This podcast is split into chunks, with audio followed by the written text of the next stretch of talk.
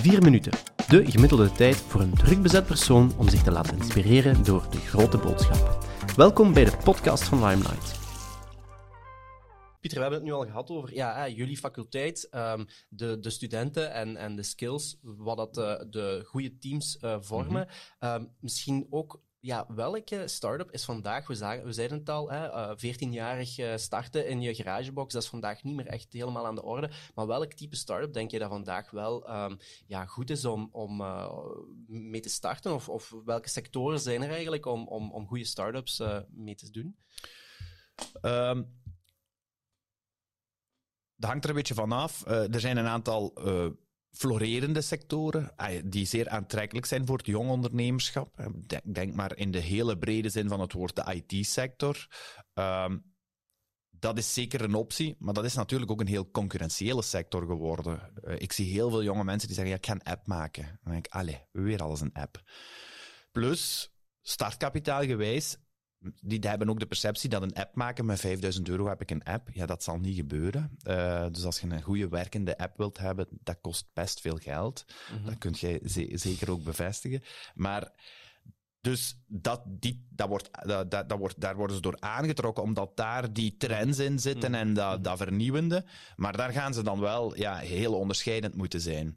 Uh, langs de andere kant, als je, als je als jonge persoon iets wilt opstarten, ja, we hebben het er juist al gehad over bijvoorbeeld producten met een hoge innovatieve component. Als daar een tech-component in zit, ja, dan heb je al best wel wat startkapitaal nodig. Mm -hmm. En je kunt wel naar een investeerder stappen, maar je gaat toch altijd een beetje eigen inbreng moeten hebben. Je kunt niet zelf 10.000 euro inbrengen en dan 200.000 euro gaan vragen bij investeerders. Dan is de, de, de mismatch er duidelijk.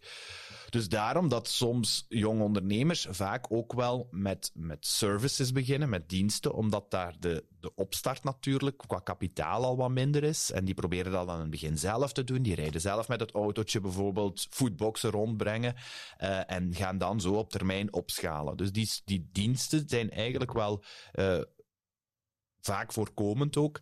En dan zie je ook jonge ondernemers die zo wat als leerschool beginnen met dropshipping en van die dingen. Uh, maar ja, het is een beetje. Er is niet zo te zeggen van deze sector is nu op dit moment de, de one and only om mm -hmm. te zijn.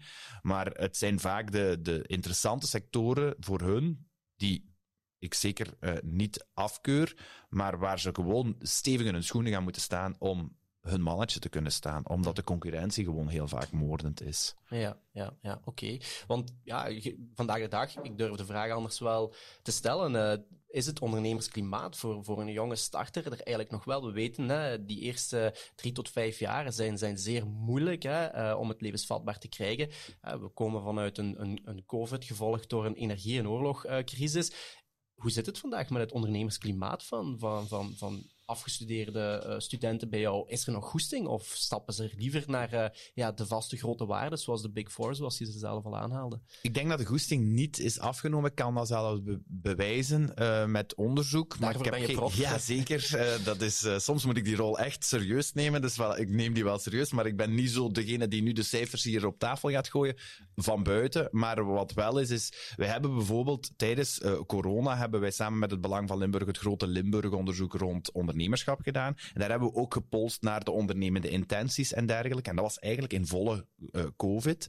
En die cijfers waren echt goed. Die, waren, die, die goesting is zeker niet afgenomen. Integendeel, veel mensen zijn toen misschien gaan nadenken van ja, mannetjes, als het, uh, als dit nog maar kan zijn, of uh, ik, ik zit hier nu toch thuis, begint meer na te denken, denk van, ik ga daarvoor gaan, ik ga dat proberen te doen. En eigenlijk ook de startcijfers van ondernemerschap, die zijn eigenlijk elk jaar gestegen of stabiel gebleven. Die zijn nooit achteruit gegaan. Dus ook al is het moeilijker geworden, toch zijn veel meer mensen in staat om die sprong te wagen. En niet alleen jonge mensen, maar ook mensen die bijvoorbeeld al tien jaar gewerkt hebben en zeggen, nu ga ik toch zelf mijn eigen zaak opstarten. Mm. Dus die goesting is zeker niet afgenomen. Die, die zal wel wat gemanipuleerd zijn door de crisissen, maar die, ja, dat houdt de mensen gelukkig niet tegen en dat tonen dus cijfers inderdaad ook wel aan. Dus daar ben ik wel ook blij om te zien dat dat, het zou jammer zijn als dat gebeurt, Uh, maar dat is dus niet het geval. Nee, oké. En je haalde het net ook al aan, hè, die rol van investeerders. Um, ja, een goed businessplan en dan natuurlijk het nodige kapitaal kunnen gaan ophalen uh, om, om, uh, om het te realiseren. Um, in hoeverre zijn trends daarin belangrijk? Ik heb zo het gevoel dat een businessplan waar dat big data of AI vandaag niet in staat, al bijna moeilijk is om nog verkocht te krijgen aan business angels of investeerders.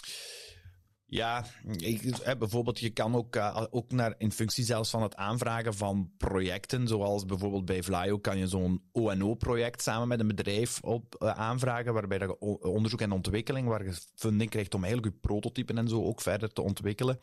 En ik denk dat daar ook wel duidelijk is dat als er een AI-component aangekoppeld kan worden, dat de aantrekkelijkheid van je dossier vergroot als je het er ook natuurlijk gaat insteken. Mm -hmm. uh, maar niet overal kan en zal AI aan gekoppeld worden. Maar ja, data, AI en dergelijke, that's the new big thing. En dus natuurlijk moet je er ook wel, als het kan, waarom zou je het dan niet erin steken? Mhm. Maar het is natuurlijk ook wel iets wat niet iedereen heeft zomaar die kennis om dat te doen. Plus is ook allemaal niet zo evident om dat te implementeren. Uh, maar het is wel een component waar nu weer meer naar gekeken wordt. Uh, dat is begonnen met uh, eigenlijk iets met data doen.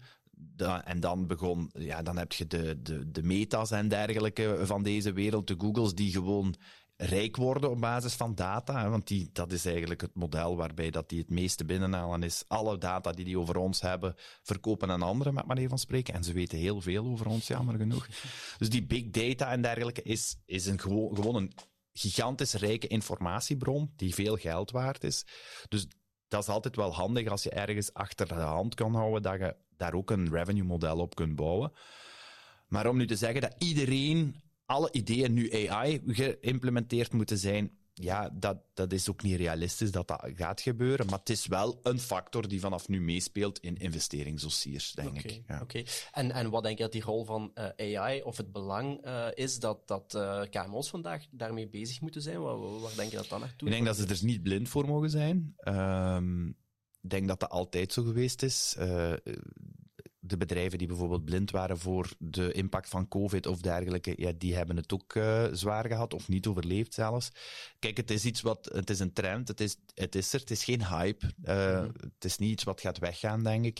Uh, dus het gaat een rol spelen in ons, in ons leven, in onze maatschappij, uh, binnen de bedrijven.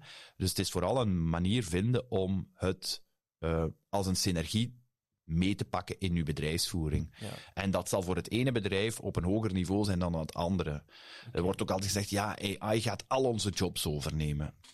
Wel, als je dan de discussies erover leest, dan ben ik blij om te zien dat heel vaak gezegd wordt, die gaan veel, hè, dus het hele verhaal kan uh, zorgen dat bepaalde jobs of routines wel inderdaad overgenomen worden.